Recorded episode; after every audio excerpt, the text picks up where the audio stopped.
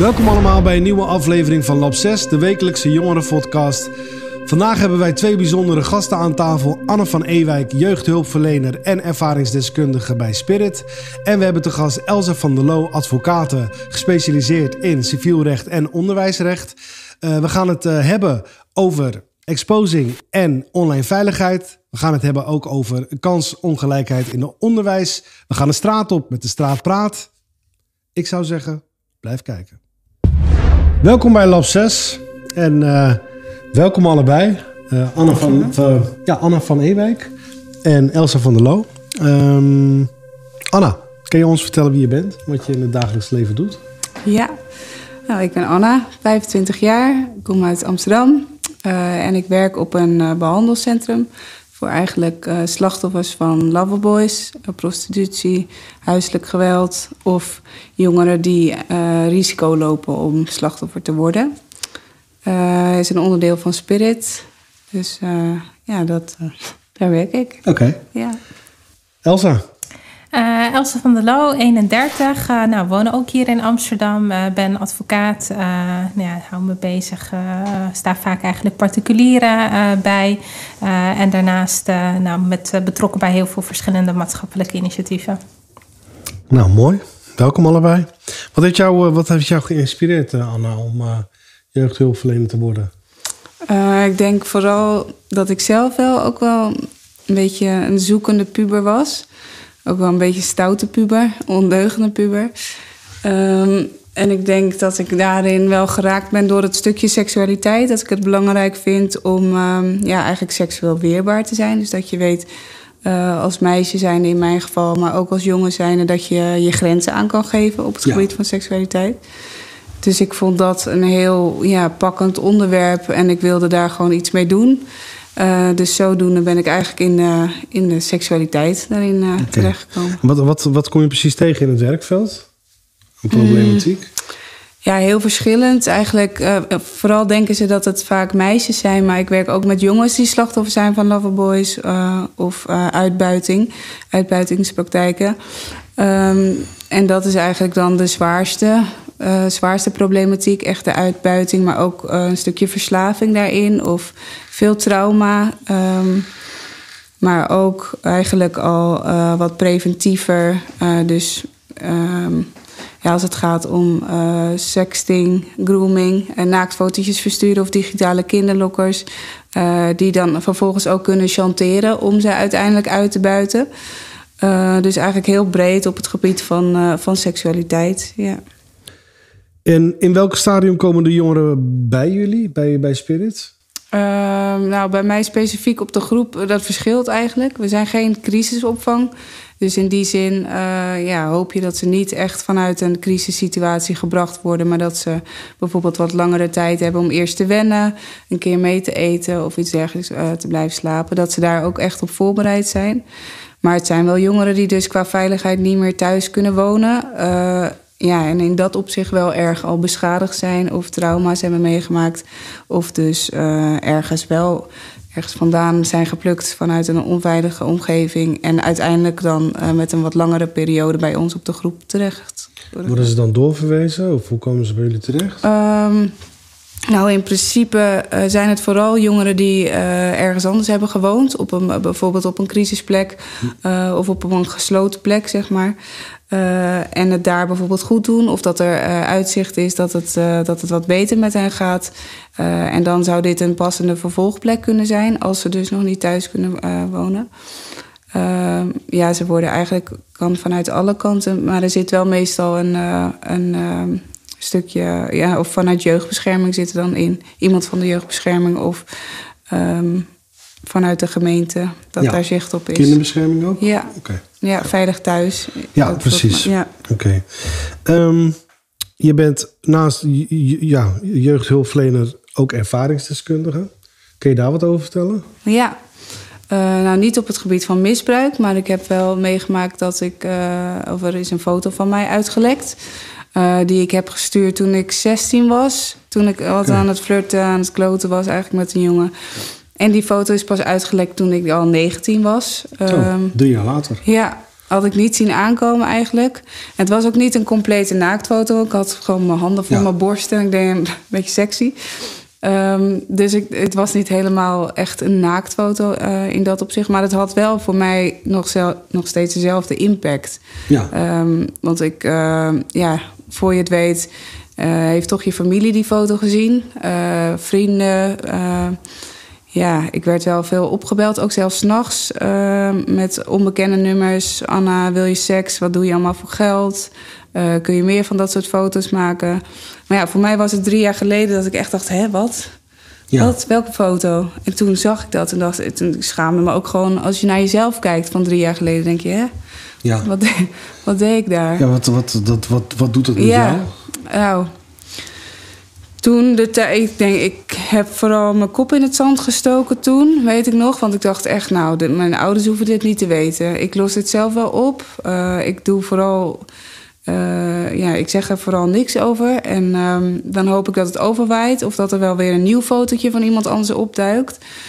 Maar ik merkte ook dat als ik naar buiten ging of naar de kroeg ging, dat er toch heel veel mensen waarvan ik het gevoel had: oh shit, hebben zij nou die foto gezien van mij of niet? Of anders naar je kijken, eh, opgebeld worden, dat soort dingen. Dus ja, hoe ik me voelde was toch wel vooral heel vernederd. Eh, en je staat op een soort lijstje van, eh, ja, toch eigenlijk sletjes of zo. Of makkelijke, makkelijke meiden, goedkope meiden. En dat vond ik wel heel erg. Want ik dacht, ja, ik heb dit destijds in vertrouwen gestuurd. Ehm, en we spreken ook al wel over, nou, wat is het, bijna tien jaar geleden dat ik die foto heb gestuurd. Dus ja, destijds was er niet zo heel veel aandacht nog rondom dit onderwerp. Ehm desalniettemin ja, kan ik zeggen, het was niet heel handig geweest. Maar dat doe je, ja, soms doe je dat als je puber bent, toch? Ja. Niet echt ha- handige dingen. Was het ook op social media gedeeld in die tijd? Nou, volgens mij was het zelfs nog via MSN of zo. Had ik via de webcam een foto Ja. gemaakt. En dat, vast, dat gewoon vastgelegd en gewoon via MSN gestuurd. Ja. Dus eh, na, ja, heel snel daarop kwam natuurlijk een, eh, een, toeneem, een toename van heel social media gebruik met iPhones en dingen. Maar ik zat gewoon oldschool te MSN. eh, ja. Ja, precies. Maar in de tijd drie jaar later, toen, ja, toen was eigenlijk ja misschien was dat het ook wel. Dat toen, of dat een laptop wordt, toch wordt schoongemaakt. Of weet je, je hebt Ja. een smartphone, je zet dingen op je, op je telefoon. Ja, die foto duikt dan op. Nou, is toch nog even interessant. Oh, kijk, weet je nog, dit meisje van toen? Of ja, er kunnen, kunnen natuurlijk allerlei re- eh, redenen achter zitten. Maar voor mij was het, eh, was het wel echt een ramp even. Ik dacht, eh, ik wil niet, hoezo zien jullie dit van mij? En ik wil ook niet mezelf op die manier zo neerzetten. Ik was ook al aan het studeren. Ik woon op kamers inmiddels, dus het is niet echt... ja, het kan je dan toch weer helemaal ergens terug intrekken... waarvan je denkt, hé, hey, laat me met rust. Dat was iets wat ik deed als, als puber zijnde. Ja. Ik ben me aan het doorontwikkelen en... ja, daarmee geconfronteerd worden, is, dat is eh, ronduit gewoon pijnlijk. Ja. Want heb, Ja. je, heb, je, heb je het wel... Hoe heb je je sterk kunnen houden? Heb je, heb je met iemand kunnen praten hierover? Hoe, hoe, hoe was je verwerking hier? Nou, destijds heb ik het mijn ouders niet verteld. Eh, ik werkte, of ik liep al stage, ook al bij Spirit, bij Cupido. En eh, toen had ik dus te maken met onderwerpen als seksualiteit. En toen begon ik eigenlijk te realiseren van... hé, hey, dit ligt eigenlijk helemaal niet echt aan mij. Weet je, ik Ja. heb meegedaan aan zoiets. Nou, daar heeft iedereen altijd een mening over, want het is dom, had je kunnen weten. Ah, fijn. Eh, maar er zit ook een dader in, die, in dat stukje. Er is ook iemand die die foto heeft doorgestuurd. En ook Ja. die mag daarop aangesproken worden. Dus als jij je kop in het zand steekt... dan kun je dat stukje ook nooit eigenlijk boven krijgen. Dan kun je Ja. ook niet eh, het gesprek met iemand voeren daarover. En eh, neem je het jezelf vooral heel erg kwalijk. En dat heb ik daar wel geleerd, erover te praten, te realiseren van hé, hey, ik ben ook niet de enige. Eh, sexting is toch ook wel iets wat hoort dan bij de seksuele ontwikkeling van veel pubers, waar je toch een beetje ja, eh, nieuwsgierig naar bent of gaat experimenteren. Maar ook waar je dus over je eigen grenzen heen kan gaan. Ja. Eh, en sinds ik daar in gesprek ben gegaan, toen dacht ik, ja, nu ga ik met mijn ouders in gesprek en ga ik iedereen inlichten. Hoe reageerde hun? Nou, gelukkig heel goed eigenlijk. Wel echt zo van eh, shit. We hadden er graag toen voor je willen zijn. Ehm, Want hoe, wat was het tijdsbestek voordat je, voordat je het aan je ouders vertelde? nou, vanaf dat ik het wist en toen ik het ging vertellen, was toch wel, ehm, nou, ik denk een half jaar later. Zo, dat is toch best wel een lange tijd. Ja, vanaf de zomer tot aan de winter. En toen dacht ik op een gegeven moment, ik, eh, het zit me dwars en ik wil, daar, ik wil dat gewoon kwijt. En ik wil ook zien hoe mijn ouders daarop reageren, wat zij daar überhaupt van vinden. Want dat was dus ook een onderwerp waar ik op een gegeven moment in ging werken. Um, maar mijn eh, moeder werkt zelf ook voor Spirit. En mijn, weet je, mijn vader is ook uh, in de zorg of in de hulpverlening. Dus wij. Um, ja. Uh, ja, dat, uh, wij kunnen daar gelukkig open over praten met elkaar. En, uh, maar, en dat was ook niet iets waar ik bang voor was, echt hun reactie daarop. Maar meer van, ik zet mezelf als ja, seksuele puber neer op de kaart destijds. En dat vond ik gewoon heel beschamend. Ik, ja, dat was niet bedoeld om voor mijn ouders te, te, zien. Nee. nee. Um, heb, je, heb je je foto wel uiteindelijk van internet af kunnen krijgen? Of is dat een beetje met de tijd. Nou, ik moet zeggen dat ik, dat ik toevallig vorig jaar dacht: laat ik nou nog eens een keer googelen. Toen ben ik hem niet meer tegengekomen. Um, dus het, ik denk dat het door de jaren heen wel is vervaagd.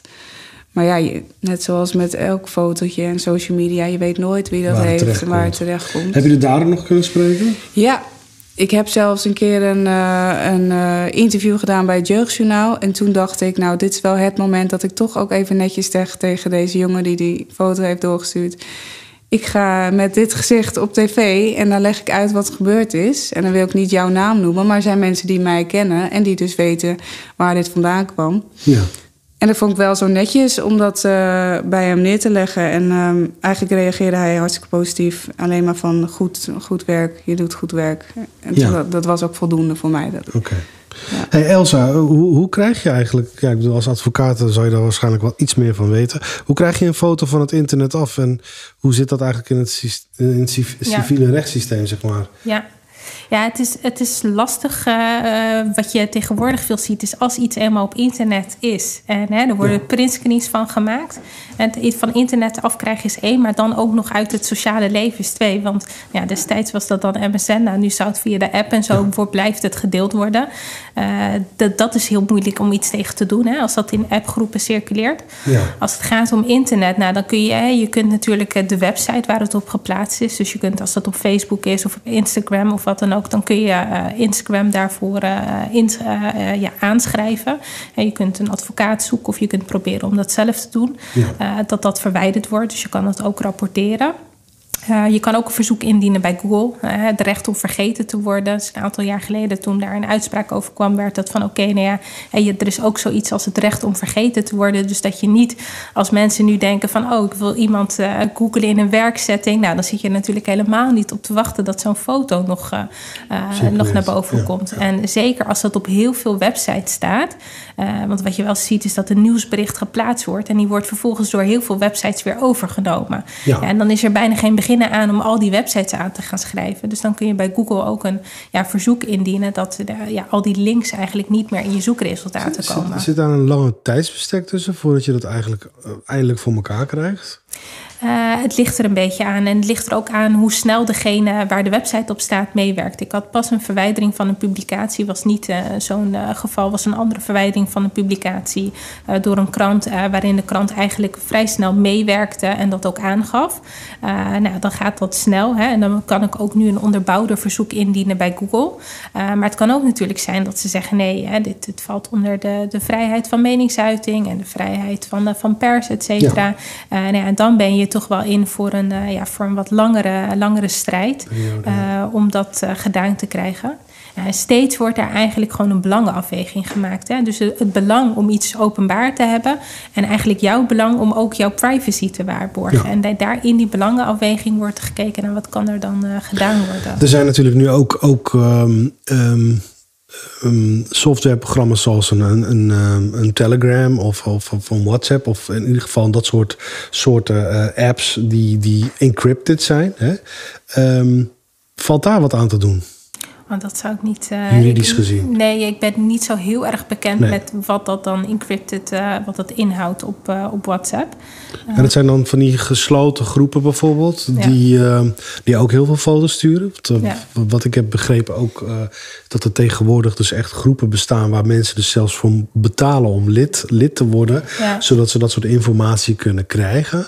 Um, ja, goed, dan lekken er een aantal foto's en dan wordt het bekend dat het in een bepaalde groep uh, te zien is. Ja. Maar daar valt dus eigenlijk vrij weinig aan te doen. Het is, het is lastig om te achterhalen natuurlijk waar dat gebeurt. Als op het moment dat het op een website is, dan weet je heel duidelijk eigenlijk wie het doet en wie je moet aanspreken. Of dat Ja. je in jouw geval dat je eigenlijk heel duidelijk zegt van ja, ik weet wie het gelekt eh, heeft. Dan heb je ook een hele duidelijke persoon om aan, aan te spreken. En hoe, ja, hoe schimmiger dat gebied wordt, hoe lastiger het natuurlijk kan zijn. Eh, maar ik zou zeggen, laat je nooit weerhouden door dat het mogelijk lastig is. Ja. Hè? Je moet eh, op het moment dat, dat er zoiets eh, speelt, trek gelijk aan de bel, denk ik. En, en probeer toch alles op alles om daar wel op in te zetten. Want zeker op de lange termijn kunnen eh, die, die dingen die op het internet te vinden zijn, die kunnen je eigenlijk jarenlang achtervolgen. Achtervolgen, ja. En iedere keer als je solliciteert of wat dan ook, heb je dan toch weer die angst van hè, ziet iemand dat over mij, ziet iemand dat over mij. En dat, ja, daar wil je, dat wil je eigenlijk voorkomen. Ja. Anna, wat voor, eh, wat voor een impact heeft het, eh, het, het exposen op de doelgroep waar je bijvoorbeeld mee werkt? Want eh, de tijd waarin hè, bij jou gebeurde, is een hele andere tijd Ja, dan nu. precies. Tegenwoordig is social media tien keer ehm, groter, zou ik Ja. het zo maar zeggen. Wa- wat merk je in het gesprek bij cliënten of bij, bij, bij jongeren die, die, ja, die bij jou zitten bijvoorbeeld? Nou, ik denk dat waar ik vooral zelf ook de mazzel dan nog eh, in heb gehad, is dat ik al van de middelbare school af was. Ja.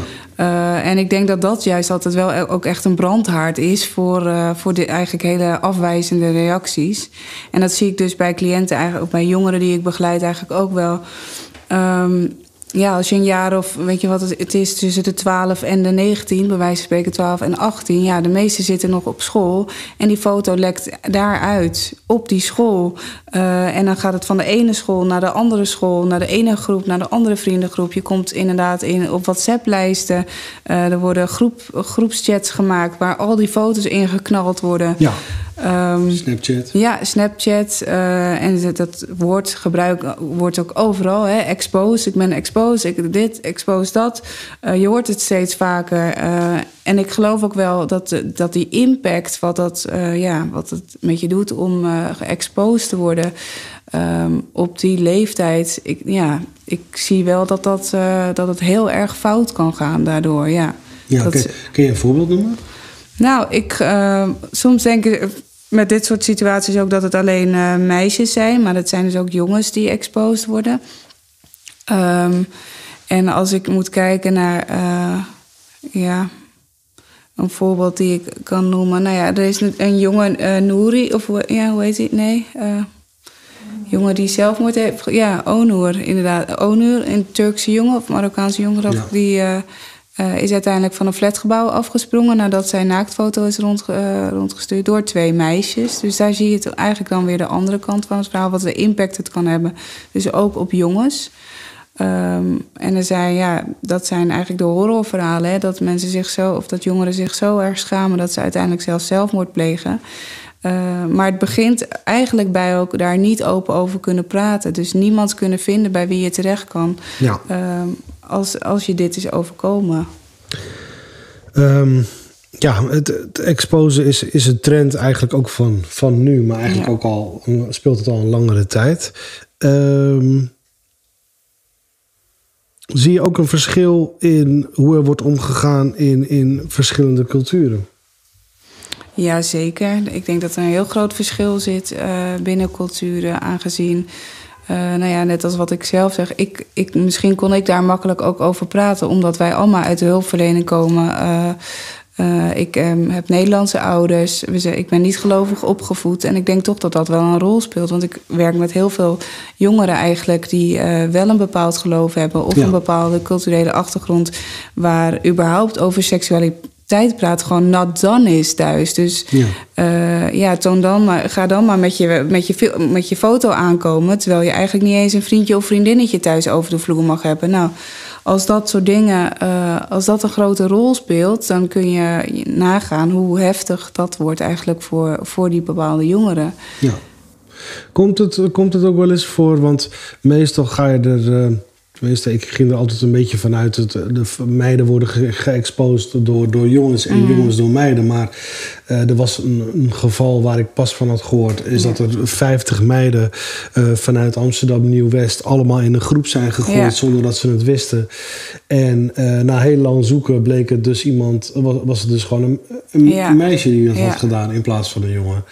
Eh, kom je dat ook tegen? Ja, ik geloof ook eerlijk gezegd wel dat meiden de bitch zijn. Dat denk ik. Even, om het zo, ja, vaak wel. Wij meiden kunnen elkaar ontzettend het leven zuur maken. En daar zit een soort concurrentie en strijd tussen. Um, ja, ook um, aandachtstrijd, maar ook uh, wie, ja, wie vindt mij het leukst, wie vindt wie het leukst. Uh, en ik geloof dat vooral meiden daar ook echt een grote rol in hebben.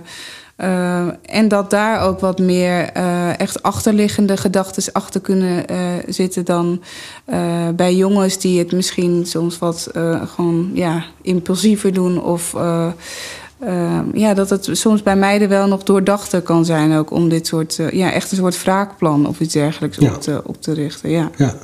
Want, wat zie jij dat, Elsa, ook zeg maar in, in jouw werkervaring ook voorbij komen. Wat, wat betreft de, de verschillen ook in culturen. Uh, dat dat heel anders wordt opgevangen? Ja, ik heb in, in, mijn werk niet zozeer direct met dit, met dit thema te maken. Als ik met jongeren te maken heb, ik doe onderwijsrecht... en dan heb ik dus vaak met jongeren op de basis of de middelbare school uh, te maken. Ja. Um, en dan is het toch wel opmerkelijk dat, uh, dat ik bepaalde voorbeelden steeds vaker zie. En dan zie je dat bepaalde jongeren toch kwetsbaarder zijn... en die problemen hun vaker ook reiken. Of omdat de thuissituatie niet goed is, omdat ze daar niet over, over kunnen kunnen praten. Of omdat school denkt van, uh, nou ja, hier uh, als we iets uh, gaan ingrijpen, daar, daar, zit niet een heel vangnet achter thuis. Dus je ziet wel dat dat, dat, dat verschil kan maken hoe stabiel je thuissituatie is. Ja, nee, duidelijk. Anna, heb jij nog advies voor dames en jongens thuis hierover? Ja, ik zou natuurlijk zeggen van doe er niet aan mee. Um, dat is gewoon het makkelijkst. Ja. Dan voorkom je ook gevolgen, voorkom je ook uh, in die zin uh, de kwetsbaarheid van jezelf en de pijn die het aan allebei de kanten kan opleveren. Um, ja, en mijn advies is voornamelijk: um, praat daar toch over. Zoek of zoek een andere manier. Uh, ja, probeer over seksualiteit te praten met mensen uit je omgeving. Als je om dit soort foto's wordt gevraagd ja, realiseer je bij jezelf: wil ik dit echt? Vind ik dit ja. echt leuk? Of uh, ga ik hier eigenlijk mee over mijn eigen grens heen? En het kan natuurlijk zijn dat je dit oprecht leuk vindt en dat je daar uh, voldoening uit haalt. Ja, dan zou ik zeggen: stop je hoofd er niet op. Zorg dat je onherkenbaar uh, in beeld bent. En ja, dan kom je toch op het punt dat je eigenlijk zo onherkenbaar in beeld bent dat je gewoon een fotootje van internet kan plukken. Ja. Um, dus in die zin denk ik, ja uh, het kan spannend zijn. Ik zou ja, zeg ook zeker niet van dat moeten we, daar moeten we echt mee stoppen of wat dan ook. Ik denk eerder uh, aan de reacties, dat we iets kunnen doen aan de reacties. Als je een fotootje krijgt dat je denkt, ja, die titel heb ik ook. Ja. En um, ja, dat we dus iets doen met elkaar dat het, ja, dat, dat, dat cultuur, cultuurtje er een beetje afgaat. Ja, wat vind je dat het cultuurtje juist afneemt? Want ik noem even een voorbeeld. Er is een wat ik merk, uh, en dat is dan echt gewoon vanuit de visie die ik heb, um, is dat het tegenwoordig ook een soort van trend is dat meiden en jongens zichzelf eigenlijk exposen. En een goed voorbeeld te geven, er is uh, onlangs een, um, uh, vooral nu met de quarantainetijd, is er een, uh, een Amerikaanse artiest of een Canadese artiest, die heeft de quarantaine radio yeah. heeft hij, uh, ik weet niet of je daarvan hebt ja, gehoord. Ja, hoor absoluut. Ja, ja en, en die heeft dan 300.000 kijkers via Instagram. En um, er wordt ook geld geboden ja. om allerlei dingen te doen.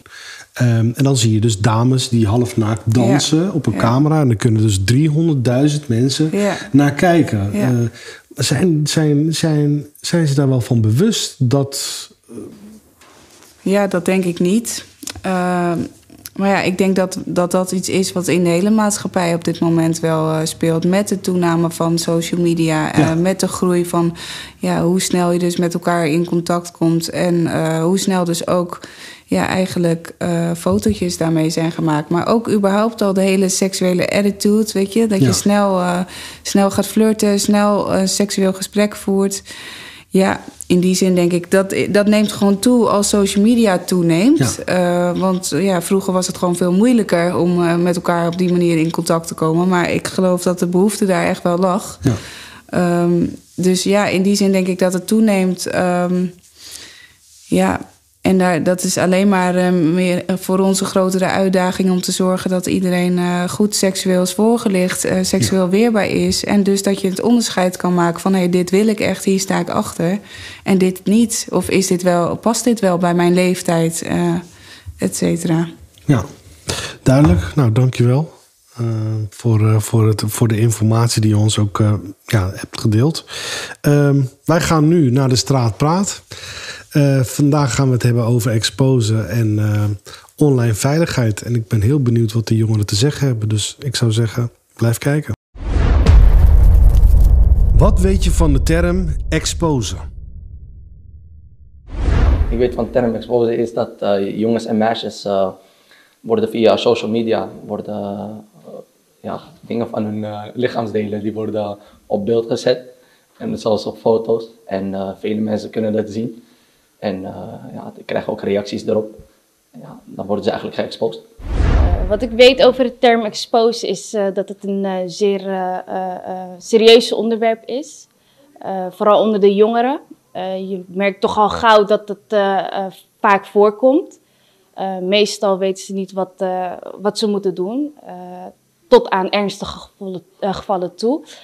Um, er gebeuren nare dingen zoals zelfmoord en Daarnaast eh, kunnen jongeren ook gewoon echt uit huis worden geplaatst.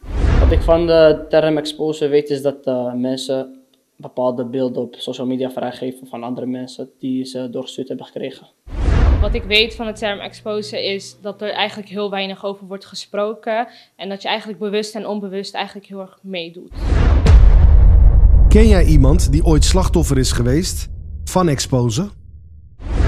Niet persoonlijk, maar uh, wel dat ik mensen af en toe buiten zie of op school. En die zijn slachtoffer geworden van exposed. Ik ken niemand eigenlijk persoonlijk die, mee, uh, die is geëxposed of uh, wat anders. Maar we zien wel elke dag op internet, sociale media, dat er mensen worden geëxposed. Ik ken ze niet echt, maar ik weet wel wie, wie ze zijn. Maar ik heb er nooit over gesproken met ze. Uh, ik ken zeker meiden die slachtoffer zijn geworden van uh, exposen. Uh, het is natuurlijk een heel lastig onderwerp. je weet natuurlijk niet zo goed hoe je iemand daarbij kan helpen. daarbij denk ik ook, ja, ik denk ook wel dubbel. maar voor die meiden is het best wel slecht afgelopen, ja. Wat denk je dat exposen voor gevolgen heeft? Ja, ik denk dat uh, sommige mensen willen zelfmoord plegen. Die uh, krijgen een depressie of die willen niet meer naar school, worden gepest. Ja, dat uh, heeft veel gevolgen in hun, in hun leven. Expose heeft heel vaak hele nare gevolgen. Hierbij kan je denken aan zelfmoordneigingen of zelf, zelfmoord. jongeren die uit huis worden gezet. Um, eigenlijk het verkeerde pad op gaan omdat ze toch zoiets hebben van het komt toch niet meer goed. Het kan nare uh, gevolgen hebben. Bijvoorbeeld ook je thuissituatie kan daardoor veranderen. Je ouders gaan zulke beelden zien en dan gaan ze uh, misschien ruzie met je krijgen. Uh, er zijn heel veel gevolgen aan exposen. natuurlijk hangt het er eigenlijk ook wel vanaf wat voor band je met je ouders hebt. Maar het meest voorkomende is het makkelijkste, althans dat denken de jongeren. En dat is ja, zelf moet plegen of, of van het totale beeld. Ja, dat ze gewoon een hele ander leventje gaan leiden dan dat ze eerst hebben gedaan, omdat ze denken dat ze het toch al fout hebben gedaan. Dus ja, er kan eigenlijk niks meer fout gaan. En dan zo zoeken ze telkens een andere reden om zulke dingen te vergeten. Denk daarbij aan roken, drinken. Dus het probleem wordt dan eigenlijk op dat moment veel groter gemaakt dan dat het eigenlijk al is, omdat ze geen gehoor hebben. Wat is jouw advies aan slachtoffers van exposing? Nou, advies is uh, ja, dat ze. Ik denk dat ze zelf kunnen zien dat het uh, slechte gevolgen heeft. En dat ze dat niet meer in de toekomst moeten doen. Dat ze dit als leermoment moeten nemen. Uh, wees niet stil. Praat erover. Er zijn voldoende mensen die heel graag willen luisteren. Als, als dat niet bij een familielid kan. Je hebt voldoende jongerenpunten waar je langs kan gaan. Buurthuizen die heel veel sociale werkers die jou graag willen helpen. Blijf niet stil. Mijn advies is toch wel communiceren. communiceren is een van de belangrijkste dingen die er zijn. al hebben sommigen niet echt ouders waarmee ze kunnen praten, is het toch wel handig om met iemand te praten. denk daarbij aan een goede vriendin of, of een familielid waar, waarmee je heel goed bent. En je kan altijd advies vragen. Op het moment dat je al een fout hebt gemaakt, dan is die fout al gebeurd. Het enige wat je kan doen is gewoon uh, uh, het rechtzetten en niet erger te maken. En natuurlijk is het niet het geval voor iedereen en dat is heel jammer. Omdat vaak worden toch wel jongeren afgestoten door hun familie, waardoor het alleen maar erger wordt. Maar communiceren is wel echt een van de belangrijkste punten die er is. Wat zou je willen zeggen tegen jongeren die zich schuldig maken aan exposen? sowieso eerst bij jezelf denken van dat dat niet hoort. En dat je gewoon uh, eigenlijk uh, voor hetzelfde geld kon dat iemand zijn zusje of broertje zijn. Dus uh, ja, je moet eigenlijk meer naar jezelf gaan kijken in, die, in dat soort situaties. En ik zou ook naar degene toe gaan en gewoon aangeven dat je hebt geëxposed en dat je daar spijt hebt van hebt, zeg maar. En ja, dan vergiffenis vragen. Het is lastig. We leven eigenlijk in een wereld waar, waar het heel lastig is om te voorkomen. Uh, het is van twee kanten te bekijken. Natuurlijk is het heel fout wat er, uh, wat er gebeurt en iedereen is gewoon medeplichtig die daaraan meedoet. zelf vind ik ook dat er eigenlijk gewoon een, een hoge straf daarvoor moet zijn. het is gewoon iemands leven verpesten. En niemand heeft het recht om dat te doen. daarnaast voor de jongeren of voor, voor de mensen gewoon die het überhaupt meemaken wat ik net al dus zei, is gewoon echt communiceren. En het is eigenlijk een heel lastig onderwerp. Dus ja, wat kan je doen? Er is niet echt veel, je kan niet echt veel doen, maar het enige is gewoon nu echt communiceren. En ik, het zou heel mooi zijn als er toch nog wel meer voorlichting hierover zou zijn. Voor zowel de ouderen als voor de jongeren. Ja, ik wil zo vragen wat, wat ze ermee bereiken. Want ze sturen het door en dan voelen ze zich stoer, maar je bereikt er niks mee. Je maakt alleen iemand anders kapot. Meer niet. Uh, wat ik vind van over jongeren die, um, die zich schuldig maken aan exposen is, doe het niet. Want je kan gewoon mensen hun leven verpesten. En al doe je, je denkt het is grappig, ik stuur het even naar mijn vriend of naar een vriendin van me, maar het blijft maar doorgaan. Dus je, denkt, je denkt er, blijft er niet heel lang stil bij staan. Je denkt, oh, ik stuur het even door. Maar het blijft maar doorgaan en doorgaan. Je kan eigenlijk iemand zijn leven heel erg verpesten. Welkom terug allemaal. Um, dat was de Straat Praat. Heel interessant om de jongeren te horen over dit onderwerp. Um, we hebben het nu over uh, ja, heel iets anders. De, de, de, dus de basisscholen zijn weer begonnen. Uh, dat is voor heel, heel veel ouders een opluchting. Um, voor vele kinderen is het, ik wil niet zeggen een opluchting, maar die zijn hartstikke blij om uh, hun leeftijdsgenoten weer te kunnen zien. Maar in het onderwijs uh, duiken natuurlijk ook weer vragen op waar het grote nieuws niet altijd op afkomt. Um, en we gaan er eigenlijk over in gesprek met Elsa. Um, Elsa van der Loo is advocaat gespecialiseerd in onderwijsrecht en civiel recht. Elsa, kan jij in, in de notendop vertellen ja, wat je eigenlijk allemaal wel doet. Eh, ja. Want je doet heel veel. Ja, ik hou me uh, als advocaat dus bezig met het onderwijsrecht. En dan uh, met name eigenlijk aan de kind, aan de kant van kind en ouders. Dus uh, wat gebeurt er op het moment dat je verwijderd wordt van school?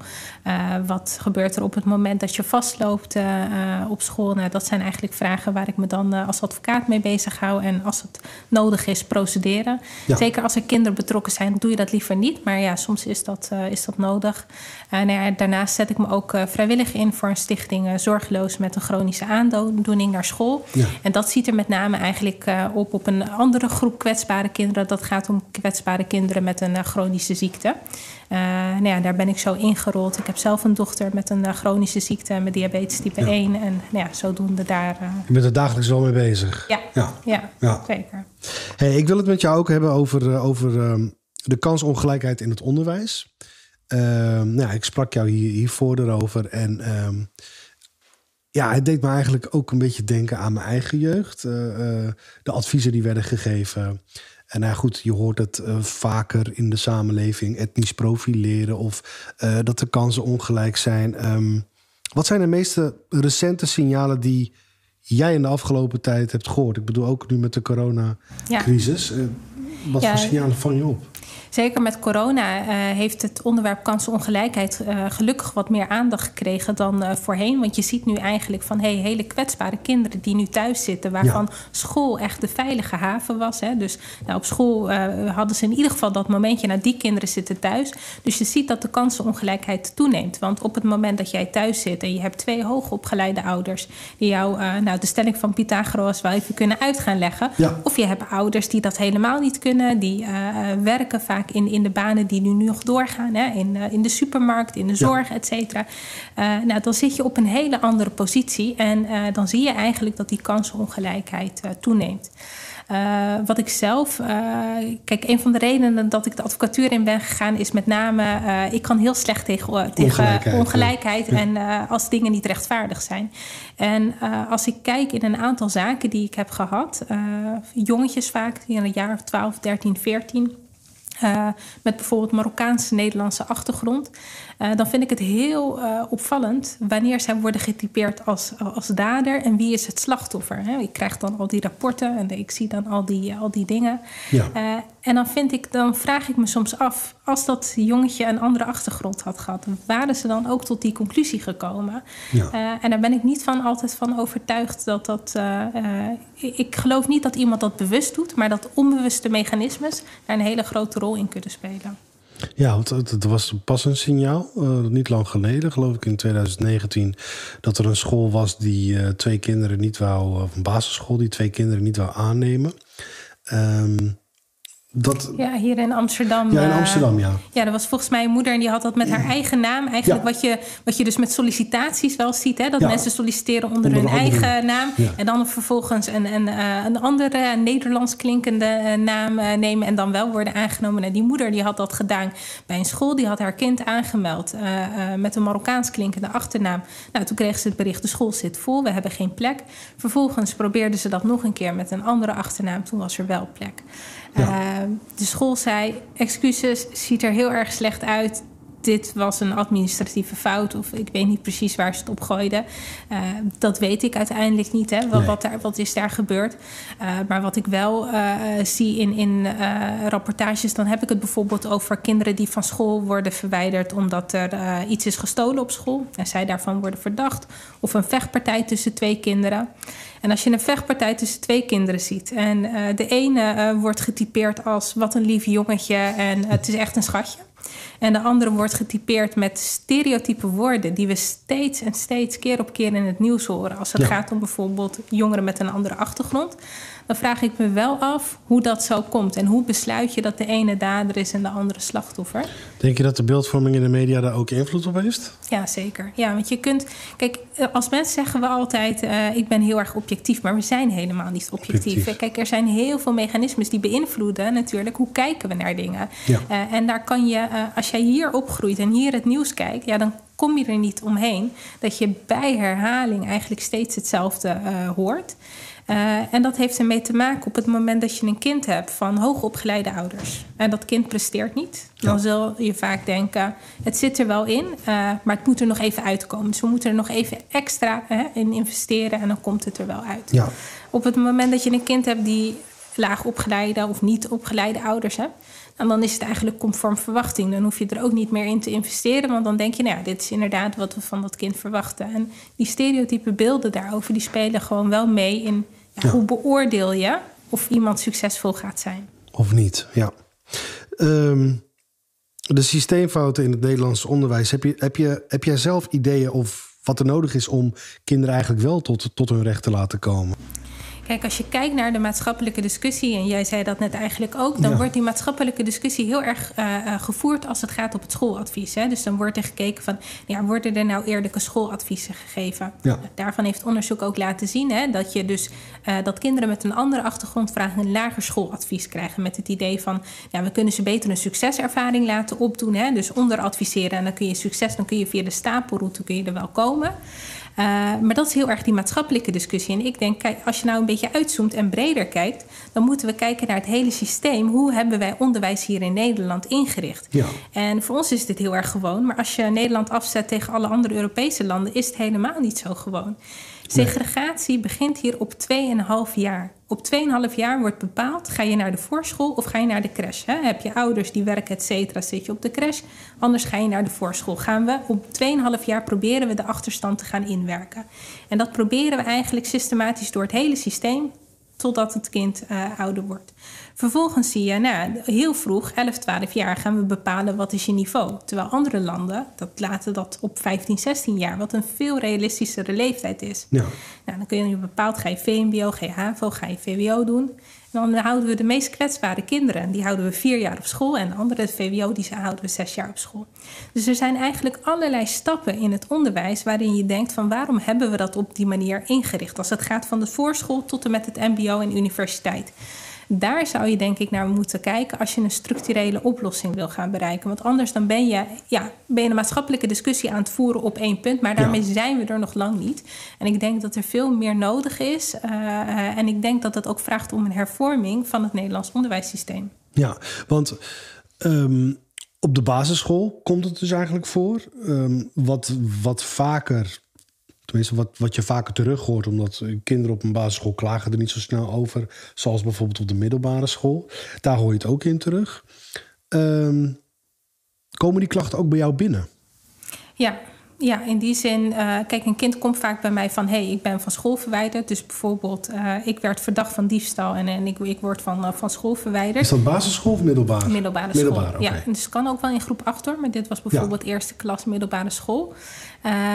En waarin zo'n jongetje, als ik die dan tegenover me heb, op een gegeven moment toch wel zegt: Ja, maar ja, ik ben eigenlijk de enige, bijvoorbeeld met een Marokkaanse achtergrond in de klas. En ik vind het wel heel raar dat ze mij gelijk aanwijzen en waarom niet de rest? Want er is helemaal geen bewijs dat ik dat heb gedaan. Dus zo'n jongetje die voelt dat zelf ook wel van hé, hey, waarom? Hè? Die, die heeft ook wel een idee, heeft ook wel een vermoeden. Uh, het is niet iets wat we gelijk betrekken, want je weet het niet. Hè? Ligt dat uh, daar wel of niet aan? Maar je merkt wel, en zeker uh, op het moment dat het een, een, niet zo gemixte school is qua achtergronden, merk je dat ja, kinderen zich uitgezonderd voelen. Ik heb het op de basisschool. Ik heb een andere zaak van een jongetje. En toen Wilders met zijn minder, minder, minder uitspraak kwam. En jij op het schoolplein komt en kinderen dat alleen maar van het nieuws hebben meegekregen. En denken van ja, ja, minder, minder, minder. Dan krijg je op hele jonge leeftijd. Ik denk dat dit in groep drie of zo was dat hij dit meemaakte. Groep ja. drie, vier. Je dit, ja. uh, dit te horen krijgt. Ja, dat is, uh, het is sowieso heel bijzonder. Um, Anna, zie jij, zie jij dat, daar wat in terug in die kansongelijkheid bij de jongeren die jullie bijvoorbeeld behandelen? Um, even nadenken. Welke kant bedoel je dan precies? Nou ja, hebben jullie bijvoorbeeld ook jongeren die bij jullie uh, in het behandelcentrum zitten, die ook het gevoel hebben dat ze ongelijk zijn behandeld in het onderwijs? Ja, en ik denk uh, sowieso dat zij het gevoel ook hebben dan op een gegeven moment dat het, hele, dat het helemaal uitzichtloos is. Ja. Als ze dus ergens uh, een steekje hebben laten vallen of door uh, problematiek even niet op zijn komende dagen op school of. En dat, ze dan, dat er dan toch te weinig wordt gedaan om de jongeren toch weer op school te krijgen. Of met ze mee te denken en te zorgen dat ze toch wel weer op het juiste pad terechtkomen. Ja, maar het komt wel voor, dus ook, ook je... Ja, nou wij geven intern school. Dus uh, die, uh, die jongeren gaan bij ons intern, uh, ja, volgen ze gewoon onderwijs. Ja. Um, maar je ziet ook, ja, stel dat een jongere inderdaad is uit huis is geplaatst uh, en dan uh, dus niet meer naar school kan omdat misschien de reistijd te ver is of omdat die buurt misschien niet meer veilig is. Ja, gaat dan maar weer voor elkaar boksen dat je op een andere school terechtkomt of dat je door kan gaan op hetzelfde niveau waar je gebleven bent. Ja, dan zie je ze toch uh, gemakkelijk afglijden. Uh, dus het is wel mogelijk, maar ja, ik, zie dus ook wel dat, dat de jongeren bij ons op de groep ook wel voelen dat, ja, alsof ze een beetje daarin in de steek worden gelaten. Ja. Um, Elsa, als ik, als ik um, um, zelf terugdenk aan, aan vrienden, aan mensen die ik om me heen ken. En toevallig sprak ik dan onlangs een vriend die eigenlijk in zo'n situatie zat, die ingeschaald werd om MAVO te gaan doen na de basisschool. Maar uh, hij was half Ghanese, uh, half, half Nederlands. Nou, zijn Nederlandse moeder was het daar totaal niet mee eens. Die is toen naar school gegaan en uiteindelijk is hij ingeschaald op gymnasium. En heeft hij een universitaire uh, opleiding afgerond. Denk je dat dit systematisch gebeurt? Uh, ja, we weten dat het gebeurt. Dus de cijfers laten zien dat, dat, dat dit gebeurt. En dat is dus wat ik zeg, het is niet... Dat maakt het ook nog lastig. Hè? Kijk, ja. als het nou opzet is van een docent... die denkt van, uh, ik doe jou dit aan... nou, dan is het heel makkelijk op te lossen. Maar dit is geen opzet. Dit nee. is dus inderdaad de inschatting, wat ik zeg met het idee van... misschien past dit beter bij jou. Hè? En dan kun je altijd nog wel opgroeien. Dus we zien dat heel veel via de stapelroute komen... die dus uh, die niet een ouder hebben gehad... die misschien op dat moment voor ze kon opstaan. Nou, die gaan dan MAVO, HAVO, VWO. En er is helemaal niks mis mee om via de stapelroute te komen... Nee. op het moment dat dat gewoon het beste uh, pad was voor jou op dat moment. Uh, het is wel heel kwalijk als je eigenlijk dan al meer kon... Uh, en, en je die kansen niet hebt gekregen. Daarnaast, als je dat weer gaat doorvertalen op de arbeidsmarkt. Hè, ik geef heel veel trainingen over nou, wat zijn stereotypen en voordelen. Ja. Die geef ik heel veel bij, uh, bij het bedrijfsleven en overheid, et cetera. Dus mensen die mo moeten aannemen. En als ik ze vraag, dan zegt ze ja, dat, dat, dat staat voor hardwerkend. Ik denk dat ik daar wel wat, weet je, en dan denk ik, oh, iemand is opgeklommen. Dat is de overtuiging. Ja. Op het moment dat je ze twee cv's geeft, dan zal je keer op keer zien, laat onderzoek zien, dat ze niet kiezen voor die stapelaar, maar ze kiezen voor diegene die, hè, die dat in één keer uh, heeft bereikt. Omdat dan toch ergens in het hoofd zit van ja, die is misschien toch intelligenter of wat dan ook. Terwijl dat, er is helemaal geen basis voor. En ja. Ja, als je, op het moment dat je dan ook nog eens moeilijker aan het werk komt, dan wat ik zeg met die systeemfouten, dat blijft zeg maar doorwerken. Dus we blijven zeg maar steeds achter die feiten aanlopen ja. om de ongelijkheid op te lossen. Speelt het eigenlijk alleen met mensen met een migrantenachtergrond? Of uh, is het ook een soort van. Heeft het ook gewoon met, met, met bepaalde klassen te maken? In de zin van dat het ook ja. ja met ik denk sociale klassen. Uh, en als sociale klassen, dan zijn natuurlijk mensen met een migratieachtergrond. Ja. Ja, die, die zitten vaker in een lagere sociale klasse. Nou, dat kan je historisch uh, verklaren. Ja. Hè? Op het moment dat mensen hier eerste generatie kwamen in een hele andere soort baantjes. Uh, dus het is zeker niet een probleem dat alleen maar mensen met een migratieachtergrond treft. Dat heeft, je kunt het ook wel verbinden aan, aan de sociale klasse. Um, ik hou me eigenlijk met twee typen kwetsbare. Dus je hebt de kwetsbare kinderen die, die ik net noem. En daarnaast hou ik me ook uh, bezig met kinderen met een chronische ziekte. Nou, dat is eigenlijk ja. weer een hele andere doelgroep. Die ervaart ook wel weer hele andere, andere problemen. En dan gaat het vaker om, om gedragsproblemen waarom je op van school wordt uh, verwijderd. Ja. Um, en dan heb je het eigenlijk over passend onderwijs. Dus het zijn twee verschillende problemen eigenlijk ja. waar ze tegenaan lopen. Je hebt wel het gevoel dat er eigenlijk met twee maten wordt gemeten in, in, in de maatschappij. Dat, dat sowieso. Ja. ja.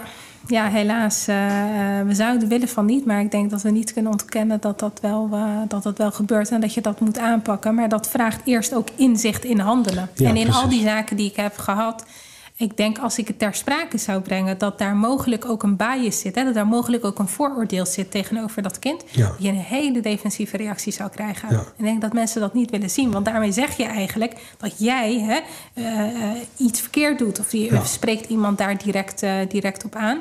Uh, ik denk dat we onderzoeken genoeg ondertussen hebben om te laten zien dat dit probleem er is. En dat we gewoon dat nu door moeten vertalen tot wat gaan we eraan doen. En wat je nu ziet is, nou ja, de, de kansenongelijkheid, het is niet nog meer toegenomen. Het staat nu even stil. Maar ja, ja. het is natuurlijk nog steeds heel erg groot.